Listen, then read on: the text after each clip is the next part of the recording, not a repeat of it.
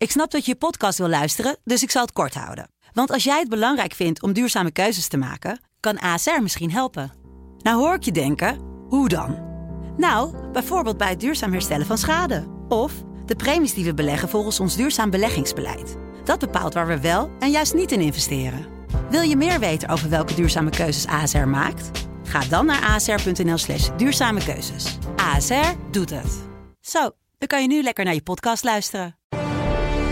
And so, my fellow Americans, I shall not see. ask not We will keep this what promise your to the country can do people. for you. Read Ask what my you can do lips. for your country. Dit is Trump versus Biden, de strijd. Een telegraafpodcast over de Amerikaanse verkiezingen. Met Thijs Wolters en Frank van Vliet. Ja, de heat is on. Het eerste tv-debat tussen Donald Trump en Joe Biden was allesbehalve presidentieel. Geen debat, maar een woordoorlog met zoveel onderbrekingen dat de presentator van Fox News, Chris Wallace, bijna smeekte om de regels te accepteren. De commentaren waren niet mals. Het is omschreven als een kroeggevecht door Fox News. En tegenhanger eh, CNN was het misschien wel voor het eerst in het Trump-tijdperk eens met Fox. En had het over een containerbrand die maar werd aangestoken. We blikken terug met Victor Vlam. Eh, de naam is nu eh, toevallig. Eh, woordgrappen over namen zijn nooit de beste. Jij bent communicatietrainer, presentator en Amerika-kenner. En gespecialiseerd in debat- en communicatietrainingen. Je haalde ooit de halve finale van het wereldkampioenschap bij debatteren. Dus je zou zeggen, jij weet hoe het moet. Victor, zeg het maar.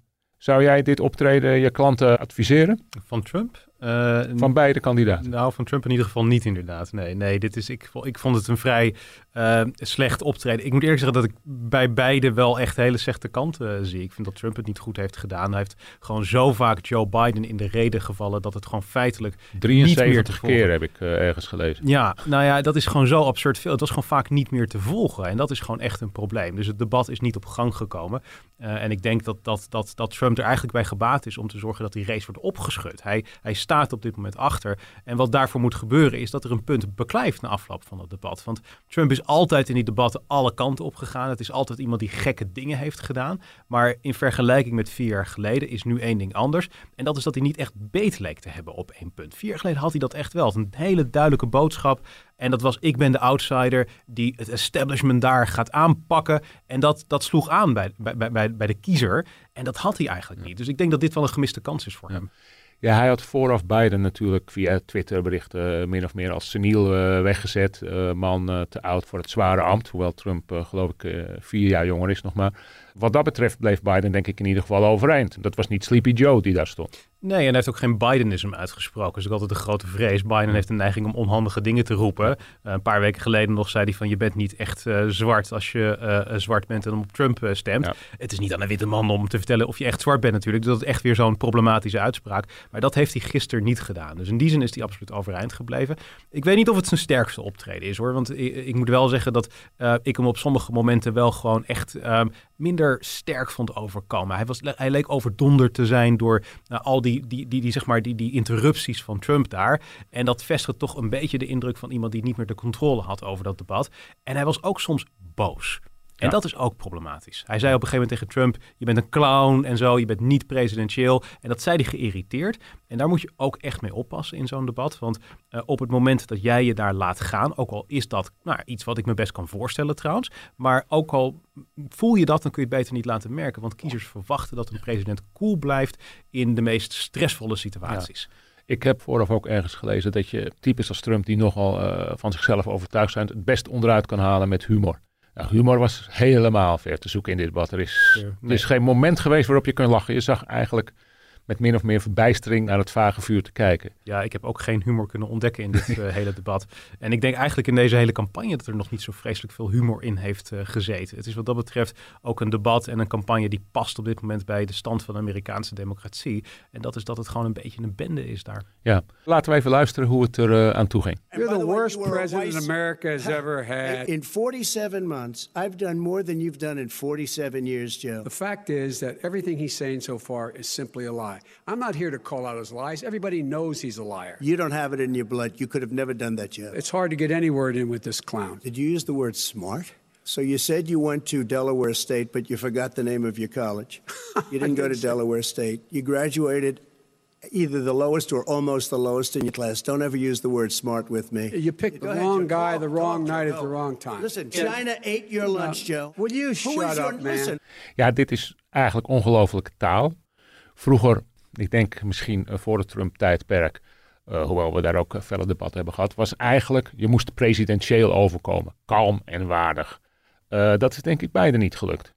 Dat is absoluut niet gelukt. Nee, het is eh, iets wat eh, volstrekt niet presidentieel was. En dat hoor je ook in de verwijten die over en weer werden gemaakt. Of het nou, eh, je bent een clown is, dat vind ik niet heel presidentieel van Biden. Maar ja, wat, wat Trump daar tegenover zet, dat is natuurlijk ook niet heel presidentieel. Je bent niet slim, vind ik ook niet zo'n hele vriendelijke uitspraak. Maar je ziet wel dat die, die, die strijd in Amerika steeds feller wordt gevoerd. Dat zie je in de hele campagne ook terug. Don Jr., dus de zoon van Trump, die zei een aantal maanden geleden dat Biden een pedofiel is. Ook, dat is ook weer zoiets. Er is daar geen enkel bewijs voor. Ook niet heel fijn, nee. Nee, ook niet. Nee. Maar dat geeft wel aan dat, dat, in, dat die tegenstellingen vergroot worden in de Verenigde Staten. En dus dat die, eh, die, die twee groepen, die Democraten en die Republikeinen, steeds meer tegenover elkaar komen te staan. En ook echt denken dat het land kapot gaat op het moment dat de ander aan de macht komt. En die toon die is al heel erg in de campagne terug te zien. Dat zie je dus nu ook in dit debat terugkomen. Nou, heb je als presentator te doen met deze twee heren waarvan je weet, dit wordt veld, ik moet dit onder controle houden. De regels waren eh, vrij duidelijk, vrij strikt. Eerst twee minuten zonder onderbreking praten. Dan komt er een debat tussen jullie eh, beiden. Dat ging helemaal mis. Lag dat eh, aan eh, Chris Wallace, de presentator? Nou, ik denk dat hij wel dingen beter had kunnen doen. Ik denk dat hij in het begin iets meer had kunnen ingrijpen en er iets meer bovenop eh, kunnen zitten. Maar ja, om eerlijk te zijn, ik, ik zeg dat ook vooral met de wetenschap van wat er daarna is gebeurd.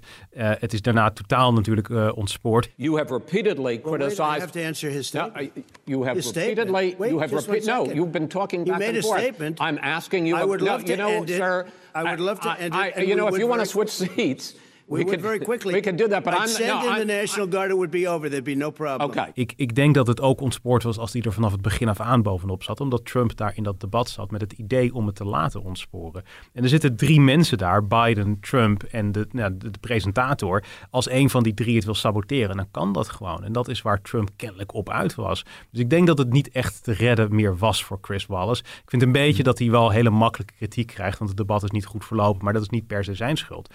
Maar die regels waar jij het over had, die zijn natuurlijk ook wel gewoon gemaakt door de twee campagnes. Hè? Het is Ja, niet dat, Chris partijen, Wallace, ja. ja. die heeft ze niet zelf bedacht. Die is niet zijn studeerkamer ingegaan om te kijken wat zijn nou de beste regels. Het zijn die twee campagnes die echt eh, maandenlang met elkaar hebben onderhandeld, waar dan een uitgebreid eh, document met afspraken uitkomt. En daar heeft Trump zich niet aan gehouden.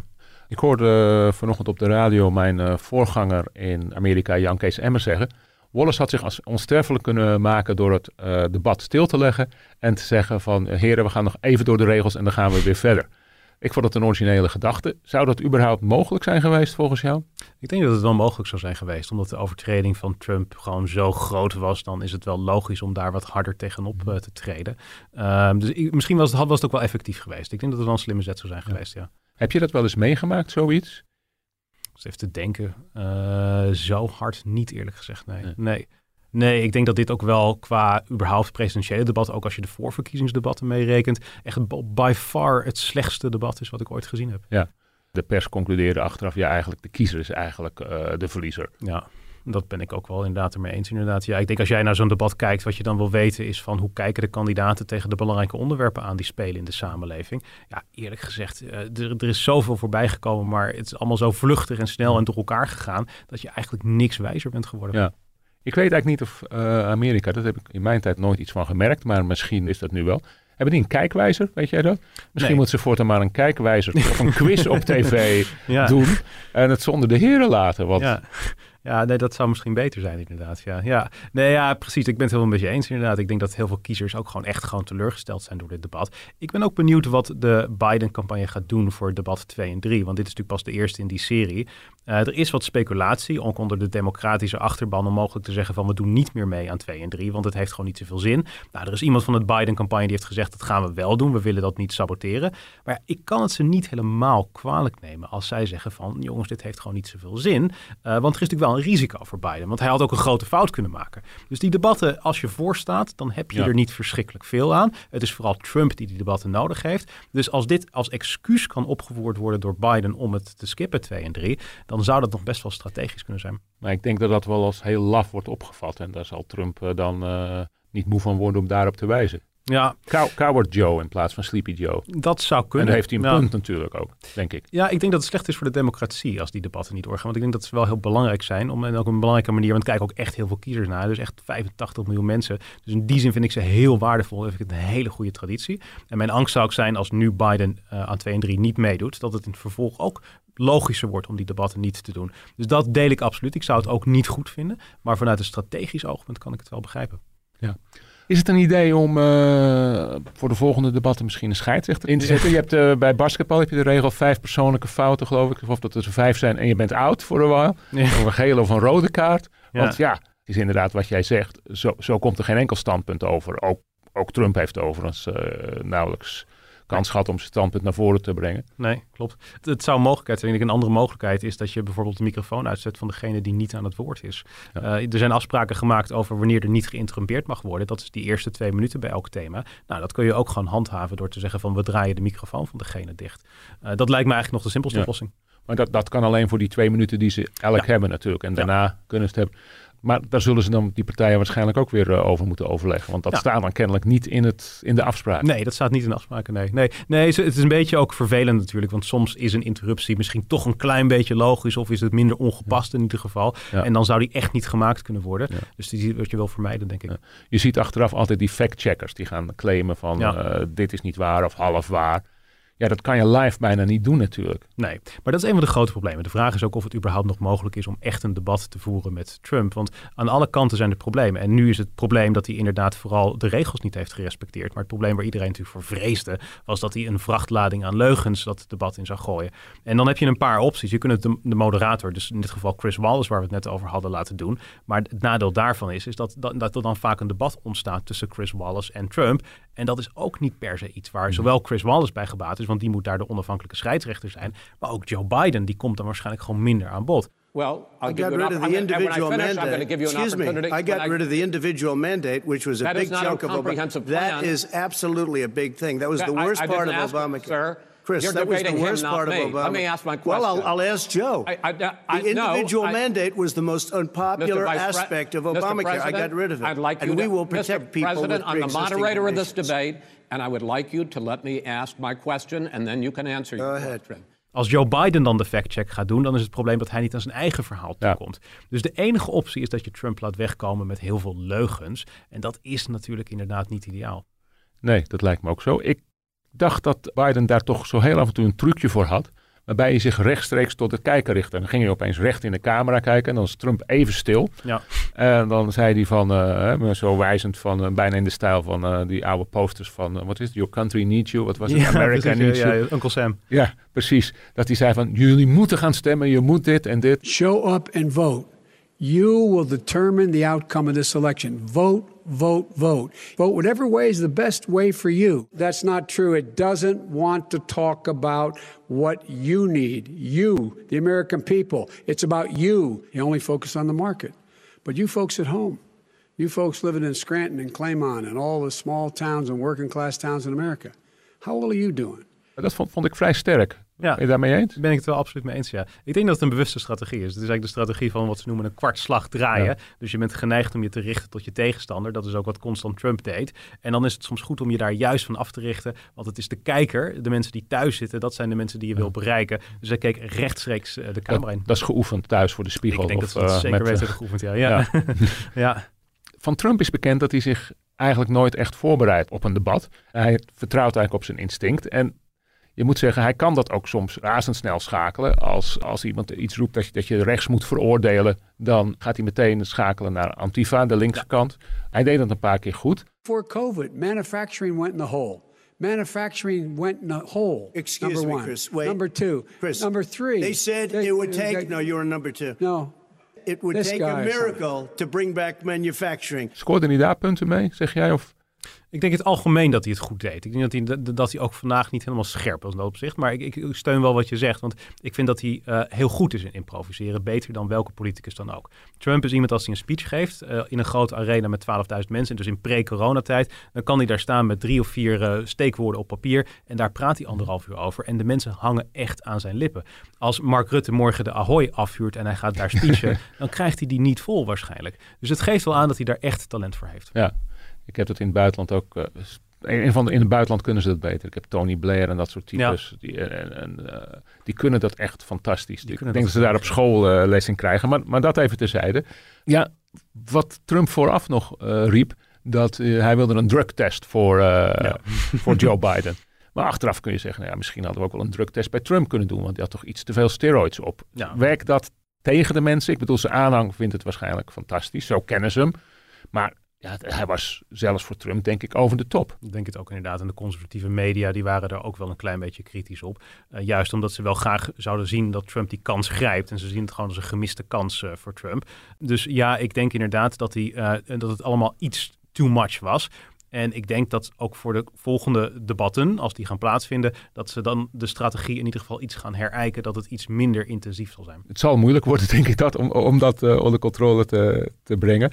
Um, wat is, denk, ik, denk jij, de instelling geweest van, van Trump? Behalve dat hij, dat hij Biden als zwak wilde neerzetten. Hij wilde niet gewoon zoveel praten dat Biden nauwelijks zijn plannen naar voren kon brengen. Is dat vooraf gedaan of werd hij gaandeweg het debat steeds geagiteerder? Kon je dat bespeuren? Nou, ik denk eigenlijk dat de strategie, die op zich nog wel logisch is eigenlijk van uh, Trump. En dat is dat hij gewoon de race wil uh, nou ja, opschudden. En dat hij alles probeert aan te grijpen om uh, Biden aan te vallen. In de wetenschap dat 9 van de 10 dingen niet zullen blijven plakken aan Biden. Die werken niet. Maar dat 1 op de 10 ding dat wel blijft plakken, dat is de volgende dag groot in de media. En dat wordt dan herhaald en herhaald en herhaald. En dat kan schade aanbrengen mm. aan uh, Biden. Maar om dat, dat ene punt en te vinden, moet je er, gewoon veel ja. uitproberen. En heb je zo'n punt gezien? Nee. Nee, nee, nee. echt niet. dat is ook wel het probleem van deze campagne. Want het was Crooked Hillary vier jaar geleden. Ja. Dat sloeg echt in als een bom. Dat was echt desastreus voor Hillary Clinton's campagne. Sleepy Joe is niet zo effectief. En ook Beijing Biden en allerlei dingen die ze hebben geprobeerd slaan niet echt aan. Dus hij heeft niet die echte goede aanval weten te, te, zeg maar, te lanceren op Biden. Die echt aan Biden blijft plakken. Mm -hmm. Biden, heeft hij in punten gescoord? Ik denk niet dat Biden echt heel veel punten heeft gescoord, omdat het gewoon een te warrig debat is. En ik denk dat de meeste kiezers er gewoon niks van zullen herinneren eigenlijk. Of tenminste, dat ze geen punten zullen hebben waarvan ze dan denken van dat blijft mij bij. Maar dat hoeft ook niet voor hem, want hij staat zeven punten voor. Uh, als er gewoon niet zoveel spannends gebeurt in zo'n debat, is dat in het voordeel van Joe Biden als hij inderdaad voorstaat. Hè. We zijn nog steeds angstig over de, de, de, peilingen in de VS. Ja, maar ik ben wel iets minder angstig hoor. Want ik deel dat ook dat sentiment. Ik denk zeker een maand geleden dacht ik ook van, nou ja, er kan nog heel veel gebeuren. Maar het is nu 35 dagen voor de verkiezingen. Dus dan, en als je zeven punten voor staat, want als je gewoon naar 538, die heeft zo'n gemiddelde van alle peilingen, ja. dan staat hij zeven punten voor op mhm. dit moment.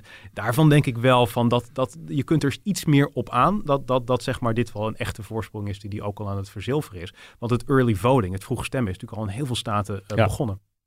Ja, dat is voor ons eigenlijk moeilijk voor te stellen. Hè? Dat uh, in Nederland, wij gaan altijd keurig op de dag. Daar hadden we natuurlijk ook een punt met de postal voting. Daar gaat Trump enorm tegen de keer. This is going to be a fraud like you've never seen. I hope it's going to be a fair election. If it's a fair You're election, I am 100% on board. But if I see tens of thousands of ballots being manipulated, I can't go along with that. Ja. Uh, terwijl je daar denk ik tegenover kunt stellen. Ja, maar jij bent nu president. Regel het dan beter. Ja. En dat denk ik ook inderdaad ja. dat het een terecht punt is. Inderdaad. Ik denk dat het aan Trump is om te zorgen dat het goed geregeld is.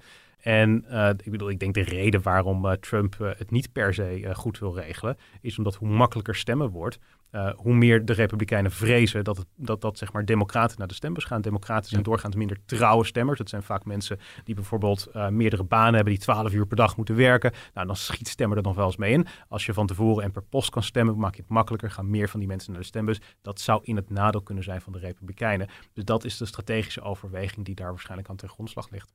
Ja, er wordt steeds gezegd. Het is natuurlijk steeds, steeds belangrijker in, in coronatijd uh, geworden. Dat poststemmen uh, ja. wordt gezien als veiliger. Je staat niet uh, in een rij. En die, die, die rijen zijn altijd enorm lang in Amerika. Ja. Dan denk je van, ja, jongens, kunnen jullie de... Het is toch heel raar eigenlijk dat een, dat de grootste, ja. nou, niet de grootste democratie ter wereld is India, maar dat de land of the free, dat het daar het stemmen zo lastig is en ook bewust soms uh, bemoeilijkt wordt. Ja, dat is heel bizar. En een van de problemen ook waar ze nu tegenaan lopen, is dat er niet genoeg vrijwilligers zijn om uiteraard in die stembureaus te gaan zitten, om te zorgen ja. dat daar alles goed geregeld is. Want dat zijn normaal gesproken de wat oudere mensen die gepensioneerd zijn, die wat meer tijd hebben. Nou, die doen belangrijk werk. Uh, maar ja, tegelijkertijd, ik kan me voorstellen dat die mensen denken van in coronatijden ja. liever niet. Dus uh, wat je ook in, bij veel voorverkiezingen hebt gezien, is dat er gewoon veel minder stembureaus zijn, waardoor die rijen nog veel langer ja. zijn. En bovendien, als er al fraude gepleegd wordt, in het stembureau zitten beide mensen van beide partijen ja. achter de tafel. Ja. Nou ja, je je papier inlevert. Dus Ja, exact. Nee, En ik denk ook dat in het algemeen, dat eh, via het stembureau stemmen is eigenlijk een betere optie dan per post stemmen. En ik vind ook dat daar Trump niet per se een punt heeft, want hij claimt dat er grote fraude gaat zijn bij het stemmen per post. Nou, daar hebben we nog niet zoveel bewijs van gezien. Maar ik denk in de ideale situatie stem je niet per post, maar laat je mensen Ja. naar het stembureau gaan. Lijkt mij ook, dat is het in ieder geval duidelijk. En het gaat sneller natuurlijk, want Ja. we krijgen straks een, een chaos dat wij, eh, wij we zijn gewend, met uitzondering misschien van Bush tegen, god hoe heet hij weer, de vicepresident van. Clinton, Gore, ja. Het was ook voor mij een lange nacht, dus, Gore. precies. Maar het is natuurlijk bizar. Je, je, je bent gewend binnen een dag de uitslag te hebben. Ja. En dit kan misschien wel weken gaan duren. Ja, en, En wat verwacht je daarvan? ja, dat is een goede vraag. Ik, ik, ik, ik, eh, ik, ik ben heel benieuwd hoe dat gaat. In sommige staten mag namelijk het, het, het, het tellen van de poststemmen pas beginnen eh, na de dag van de verkiezingen. Dus dat betekent dat als bijvoorbeeld 60% van de mensen per post heeft gestemd, wat ook best wel realistisch is, eh, dan ma- mag de meerderheid van de stemmen dus pas geteld worden na de verkiezingsdag. En dat betekent dat je dus waarschijnlijk dagen na de verkiezingen pas de uitslag hebt. En dan heb je nog het probleem van dat, dat, dat als die uitslag erg close is, of als er onregelmatigheden zijn, wat zomaar zou kunnen omdat dingen in coronatijd nog niet zo professioneel zijn geregeld altijd, omdat het allemaal nieuw is, dat er, ehm, ja, dat er, dat, dat, dat er rechtszaken worden gevoerd over die uitslag. En dan kan het nog eens een tijdje Ja. duren. En Trump heeft al gezegd, dan komt het bij het Hoge Rechtshof. Ja, Waar hij natuurlijk net weer een nieuwe rechter gaat benoemen die mogelijk op zijn kant is. is natuurlijk een beetje flauw om nu al van te zeggen van ja, dat is Trumps keus. Dus die zal niet vanuit haar eigen geweten haar stem uitbrengen. Terwijl ik denk van ja, god, het zijn toch rechters. Hè? Is ook een hoogst bekwame vrouw. Dus Zeker, ja. Absoluut, ja. Ja, eh, iedereen denkt natuurlijk inderdaad precies aan de rechtszaak tussen eh, Gore eh, v. Bush Ja. en het Hoge Rechtshof, wat toen ook in handen was van de conservatieven, in ieder geval vijf tegen vier destijds, heeft toen in het voordeel van ehm, eh, Bush beslist. Die angst is er natuurlijk bij heel veel democraten. En dat zullen ze ook gebruiken in die hoorzittingen voor Amy Coney Barrett, die hoge rechter. Ja. Want ze zullen zeggen van misschien moet zij nu al bij voorbaat zeggen, als er een rechtszaak komt over de verkiezingsuitslag, dan ga ik me daar in ieder geval niet in mengen. Met andere woorden, zij kan dan niet de beslissende stem zijn. Ja. Maar goed, dat, dat, wordt, dat wordt nog een hele politieke strijd. Ik vraag mij af in hoeverre dat beslissend zal zijn op dat moment. Even iets anders, we hebben er wel eventjes over gehad, maar dit was echt een heel persoonlijk debat ook. Ja. Het, het, het, ging bijna niet over partijen. Al had, vond ik Biden wel een aardige one-liner toen hij zei: The Democratic Party, it's me now.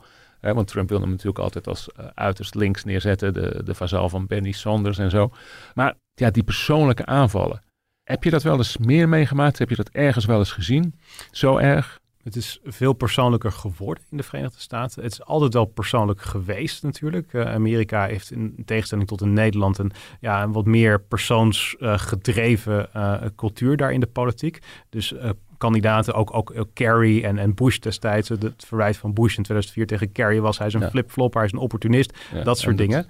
Dus het is altijd wel persoonlijk geweest, maar de mate waarin is wel echt gewoon sterk toegenomen. Dus dat zie je wel inderdaad. Dat is wel echt een trend. En dat zie je, dat, dat is echt nieuw inderdaad. Ja. Ja, en dat lijkt mij een, een gevaarlijke ontwikkeling. Omdat het inderdaad niet meer over ideeën gaat. Nee. eh, waar we het al eerder over hadden. ja, en ja, dat vind ik ook wel. Het meest persoonlijke werd het natuurlijk toen het over eh, de zoon van Joe Biden ging. Trump was daar eh, weer een magistrale improvisateur. Want Joe Biden wilde zijn eh, zoon Bo, de oorlogsgeld, eh, een beetje naar voren schuiven. En Trump schakelde ogenblikkelijk over naar Hunter, de zoon die in opspraak is vanwege vermeende gelden die hij in de Oekraïne zou hebben gekregen. Trump slingerde ook nog geld uit Moskou daarin. My son was in Iraq. He spent a year there. He was not a loser. He was a patriot, and the people left behind oh, there were heroes. Oh, Really? And I resent. Are you talking like about hell. Hunter? Are you talking about I'm Hunter? talking about my son, Bo Biden. You're talking I talking don't know. about. I don't know Bo. I know Hunter. Yeah, you Hunter know got Bo. thrown. Hunter got thrown out of the military. He was thrown out, dishonorably discharged. That's not true. He wasn't dishonorably cocaine use, and he didn't have a job until you became vice president. Once you None became of that vice president, true. My made a son, fortune, my son, and he didn't have a job. My son, like a lot of people, like a lot of people we know at home, had a drug problem. He's overtaken it. He's he's he's fixed it. He's worked on it, and I'm proud of him. Dat was een opvallend moment. Had eh, Joe Biden daar last van, vond je? Vond dat hij er eigenlijk wel goed op reageerde. Hij reageerde best krachtig, ook op dat, dat drugsgebruik van, van eh, Ja, Hunter. cocaïne, ja. Ja, exact. Dat hij zei van ja, iedere familie heeft wel eens dat soort tegenslagen gekend. En hij is door hard te werken er overheen gekomen. Ik vond het een persoonlijk moment. Ik denk dat het eigenlijk nog wel een van de betere momenten van Joe Biden was. Ook omdat het niet geoefend overkwam. Ja. Het interessante, je zei het ook net van dat uh, verwijt wat uh, Trump uh, tegen Biden lanceert, dat hij inderdaad mogelijk in de greep is van de linkse zeg maar achterban. Ik moet eerlijk zeggen dat ik daar nog wel een kern van waarheid in zie hoor. Want er zit wel een gevaar. Biden is natuurlijk gematigd. Heeft ook altijd een gematigd imago gehad. Maar je ziet wel dat die Democratische Partij naar links is opgeschoven. En er is best wel veel druk vanuit de democratische achterban om linkser te zijn. Biden heeft die zijn het ook meest... succesvol, hè? De die zijn heel. Ja. Ja, maar Bidens verkiezingsprogramma is ook gewoon het meest linkse verkiezingsprogramma uh, sinds de Tweede Wereldoorlog. Volgens heel veel analisten die dat soort dingen echt bestuderen en bekijken. Uh, de belastingverhoging die erin zit, die is echt heel erg hoog. Het is weliswaar voor de rijken, maar desalniettemin. Er is heel veel belastingverhoging. Gratis universiteiten, of in ieder geval bepaalde universiteiten die gratis worden.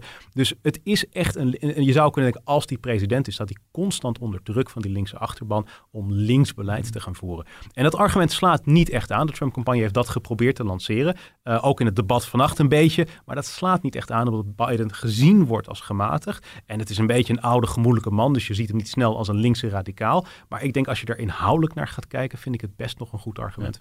Maar dan hebben we het wel over links voor Amerika. Ja, nou, ik vind dat ook... Schieten, schieten ze door? Ja. Halen ze ons in? Ze halen ons in. Ja. Ik, ik Ja. weet nog toen ik in Amerika correspondent was, dat, uh, ja, dat was zo, dat hoorde ik dan voor het eerst, dat socialisten, dan heb ik het niet over, over de communistische, eh, ik heb het gewoon over, of liberal eigenlijk. Liberal was al een scheldwoord. En daar, daar keek ik wel enigszins van op. Ja, dat kan ik me voorstellen, ja. ja. Maar, maar je, zegt, uh, je zegt in feite dat Biden is niet meer liberal, maar die gaat zelfs nog iets verder naar links gedwongen worden misschien. Ja, en vooral inderdaad vanwege die hele progressieve uh, vleugel. Want ik denk mm. dat Bernie Sanders, die is net zo links als onze SP. Mm -hmm. En ik denk inderdaad dat Obama, want ik ben het helemaal met je eens. Want Obama was natuurlijk iemand die eigenlijk gewoon VVD-light was. Hij was voor de doodstraf tegen het homohuwelijk bijvoorbeeld. Hij was best ja. wel conservatief in sommige opvattingen. Maar uh, die partij is echt naar links opgeschoven. En je ziet aan de andere kant ook een D66-vleugel. Die is nog steeds wat meer gematigd, maar wel vrij elitair. Maar die linkervleugel, Alexandria Ocasio-Cortez, ja. is ook onderdeel daarvan. Die zijn echt aan het uh, winnen aan invloed. En daar zie je gewoon dat ze echt hele... Beetje nieuw links wat ooit de PvdA heeft gehad. Ja, ja precies. Ja. Het, het, zijn echt, het is echt een hele uh, linkse vleugel daar van de Democratische Partij. En kan je dat ook verklaren als dat is een reactie op Trump? Gedeeltelijk. Nou, ik denk dat, dat er polarisatie, dat die plaatsvindt en dat inderdaad op basis daarvan uh, inderdaad wat, wat, ja, zeg maar de, de, de retoriek geëscaleerd is. Ik weet niet of Bernie Sanders per se een, reactie is op uh, Trump. Want ik denk dat dat eigenlijk een trend is die al... Je hebt het idee dat gaat... Bernie er al altijd al is geweest. Ja, en hij was natuurlijk in 2016, ja. voordat ja. Trump eigenlijk een serieuze kandidaat ja. was, uh, was hij ook al best wel populair. Want hij heeft Hillary Clinton toen het behoorlijk lastig gemaakt. Dus ik denk dat het onderdeel is van een onderliggende trend die je al ziet dat die partij naar links aan het opschuiven is. Mm -hmm. Trump heeft natuurlijk eigenlijk helemaal geen last van een partij. Want zeg maar de Republikeinse partij, zoals we die kenden van de, de, de oude Bush en de jonge Bush, ja, die, is dood. Uh, die, die is dood. Ja, ja die is het echt is, compleet verdwenen. Ja. ja. Dat is echt heel opmerkelijk inderdaad. Want dus allerlei hij heeft, dingen. Hij, hij heeft in feite die partij gekaapt. Ja, dus er wordt wel een vijandige maar... overname genoemd inderdaad. Ja. En dat is inderdaad het is heel knap inderdaad. Want uh, de, de, ideeën van die partij zijn totaal veranderd. Vrijhandel was bijvoorbeeld een van de dingen die ontzettend belangrijk was voor de Republikeinse ja. partij. En dat is iets waar Trump eigenlijk gewoon van heeft gezegd van dat vind ik allemaal niet zo belangrijk. Dat ga ik volledig op de schop gooien. Uh, ook als je kijkt naar hoe de partij kijkt naar allerlei buitenlandse oorlogen. Is drastisch veranderd sinds het Bush-tijdperk. Ja. Um, even iets anders ik vond zelf het eind van het debat, je, we waren bijna murm geslagen, maar uh, daar zei Trump toen hem eigenlijk gevraagd werd, nou ga je de uitslag accepteren en wat doe je aan extreem rechts? Maakte hij eigenlijk een heel uh, merkwaardige oproep, een soort, uh, hij, deed een oproep aan de Proud Boys. Hij zei Proud Boys, stand back and stand by. Dus treed terug, maar sta klaar. De Proud Boys zijn, zijn een uh, uiterst rechtse organisatie, zeer discutabel hij zegt er eigenlijk in van, nou ja jongens, uh, nu even niet, maar uh, als ik jullie nodig heb, dan, dan, dan moeten jullie klaarstaan. En dan suggereert hij weer dat hij de uitslag van de verkiezingen niet accepteert. Ja. I'm willing to do anything. I want to see well, peace. Then do it, sir. Say it. Do it. Say it. Do you want to call him? What do you want to call him? Give me a name. Give me a white name. Supremacists and would right you like me to condemn? White Proud supremacists and right Proud. Boys. Stand back and stand by. But I'll tell you what. I'll tell you what. Somebody's got to do something about Antifa and the left because this is not a right wing own, problem. This is a left wing. Ik vond het heel gevaarlijk. Uh, ben je dat met me eens? Of zeg je Ja. van, nou ja, Nee, ik ben het absoluut met je eens. Want ik, de, de, expliciete vraag van Chris Wallace, de presentator, was ook van... Uh, wil je deze extreemrechtse organisaties die verantwoordelijk zijn voor steeds meer terreuraanslagen in de Verenigde Staten, wil je die veroordelen? En ja, als je antwoord is dan stand back en stand by, dan is dat duidelijk geen veroordeling. Dus ook, ook gewoon de context maakt dit heel erg problematisch. En dit is ook een geschiedenis met Trump die hij heeft met het niet willen veroordelen van organisaties die weliswaar hem steunen, maar die wel uh, extreem recht zijn en ook geweld plegen in de naam van extreem recht. Dus dat vind ik er zeker problematisch aan, ja. Doet me soms denken aan de, bikers voor, de bikers voor Poetin. Maar ja. dat, is, uh, dat is ook ja. zo'n rare, in, in onze ogen, althans een, een rare groep. Um, ik vond ook nog een, een sterke opmerking van uh, Biden dan weer. Dat, hij, uh, dat ging over, op een gegeven moment hadden ze het over de suburbs, de buitenwijken. En toen zei hij, the only time Trump comes in suburbs is when he takes a wrong turn. zei, I grew up in the suburbs. ik groeide daarop. Dat vond ik eigenlijk heel erg sterk. Ja, dat vond ik ook wel sterk. En ik vond ook wel, wat ik er sterk aan vond, is dat uh, Biden ook echt gewoon als heel veel gewone kiezers is opgegroeid. Dat is Trump natuurlijk niet. Nou, op zich kan hij daar niks aan doen, dus dat is hem zeker niet te verwijten. Maar Trump is in een rijkere omgeving opgegroeid. Zijn vader had ook al best wel een vermogen. Biden niet. Biden is een van de weinige Amerikaanse politici die gewoon in een normaal middenklasse, misschien zelfs lagere middenklasse gezin is opgegroeid. Dus hij weet inderdaad hoe gewone Amerikanen het hebben. En hij heeft ook relatief veel steun en draagvlak onder die mensen. Ja, misschien meer dan Hillary Clinton. Ja, Wat denk... zijn voorsprong, als, als die klopt, eventueel uh, verklaart. Ja, en ik denk ook dat een van de grootste problemen die Hillary Clinton had... is dat zij in veel, uh, de ogen van veel kiezers neerkeek op de gewone man. Ik bedoel, haar bekendste uitspraak is De deplorables. Ja. ja. exact. De basket of deplorables. Als je gewoon zegt dat de halve achterban van Trump racisten zijn... ja, dat, dat, ik, ten eerste, ik geloof daar echt niet in. En het feit nee. dat, dat, je, dat, dat, dat, dat je dat zo openlijk zegt... vind ik gewoon echt getuige van de... En ik kan me voorstellen dat mensen het daar heel erg kwalijk hebben genomen. Maar het opvallende is toch dat de, hè, de miljardair Trump toch een, kennelijk een klik heeft met uh, de working class. Ja. Hij is de blue collar billionaire, zoals die ook wel wordt genoemd. Ja, ja. Dus de blauwe boorden. Ja. ik vind ook altijd de blauwe boorden miljardair. Uh, dat heeft hij absoluut. En dat, dat, ik denk dat het er voor een deel mee te maken heeft dat uh, hij gewone taal spreekt. Hè? Dus hij is iemand die, als je naar zijn taalgebruik kijkt, ook bijvoorbeeld heel weinig uh, woorden gebruikt met meer dan drie lettergrepen. Mm -hmm. zijn zinnen zijn relatief korter. Hij is minder analytisch in zijn taalgebruik. Dat zijn veel dingen die hij vaak als verwijt krijgt. Want er zijn heel veel mensen die vinden dat het anders moet. Maar ik denk dat heel veel mensen die ja, gewoon politiek oppervlakkig volgen, die misschien gewoon ja. stratenmaker zijn, die dat enorm waarderen. To the point. Ja, en ook het gebrek aan politieke correctheid. Want ik denk wel in de Verenigde Staten dat er te veel politieke correctheid is. Ik denk dat Trump daar ook echt wel een goed tegenwicht tegen ja. biedt. Uh, een van de dingen die mij bijvoorbeeld altijd opvalt, is dat racisme-debat. Er is echt racisme in de Verenigde Staten, maar het is zo makkelijk om een foute opmerking te maken. En wij zijn met z'n allen hier talig. Wij zijn met taal bezig, dus wij kunnen ons uit die situatie ja. redden. Maar als jij een stratenmaker bent en je bent niet dagelijks met taal bezig, maak je eerder een verkeerde uitspraak en je kunt je er ook moeilijk tegen verdedigen. Terwijl het heel intimiderend is als mensen roepen dat jij een racist bent. Dus het feit dat Trump juist af en toe die verkeerde woorden gebruikt, dat is iets wat zij fantastisch vinden. We hebben een Nederlander daar gehad, hè? een voetbaltrainer. Ja. Uh, wat heet die? John Jans, uh, ja. volgens mij. Die dus moest opstappen omdat hij in de kleedkamer iets onaardigs hebben gezegd. Terwijl in ja. Nederland iedereen zegt, nou ja, joh, die man is helemaal geen racist. Doe even normaal. Maar volgens mij en, zong hij ook een liedje mee of zoiets. Het was zelfs iets die Dat zou kunnen, ja. Ja. ja.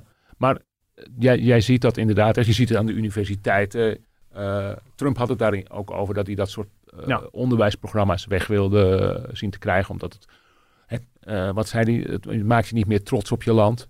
Ik denk dat die boodschap toch ook nog wel even aanspreekt. Dat denk ik ook, ja. ja. Ik denk het hele idee van uh, die uh, cancel culture en political correctness, wat ook ja. heel erg belangrijk was tijdens de Republikeinse Conventie als thema, dat dat echt iets is wat echt voor zijn achterban ontzettend belangrijk is en wat ze enorm motiveert. Goed. Ja, we kunnen hier uren over doorpraten. ja, het, is, ja. het, was, het was fascinating stuff. Ja, we gaan, we gaan gewoon even naar de, naar de hamvraag. Was er een winnaar in dit debat en wie dan? Um, ja, ik, ik, denk dat hij er wel is. En het is niet per se aan mij, maar als je gewoon naar de peilingen kijkt, er zijn heel veel uh, instant polls die gedaan worden. CNN heeft dat bijvoorbeeld gedaan. Dan zie je dat 60% uh, vindt dat Biden gewonnen heeft, 28% vindt dat Trump uh, gewonnen heeft. andere van CBS wijzen op een vergelijkbare uitslag. Ik denk dat het aan de kiezer is om uiteindelijk te bepalen wie zo'n debat gewonnen heeft. En als daaruit blijkt dat zij vinden dat Biden de winnaar is, dan is dat de uitslag wat mij betreft. Ja, maar de kiezer leest ook, hoort het ook en denkt dan van ja, daar hebben ze misschien een punt. Dus misschien heb je er wat aan, maar of het echt bepalend is, dit debat, waag ik eigenlijk te betwijfelen. Dat denk ik ook inderdaad. Ja, ik denk dat dit snel vergeten gaat worden. Ja. ja. Misschien goed ook.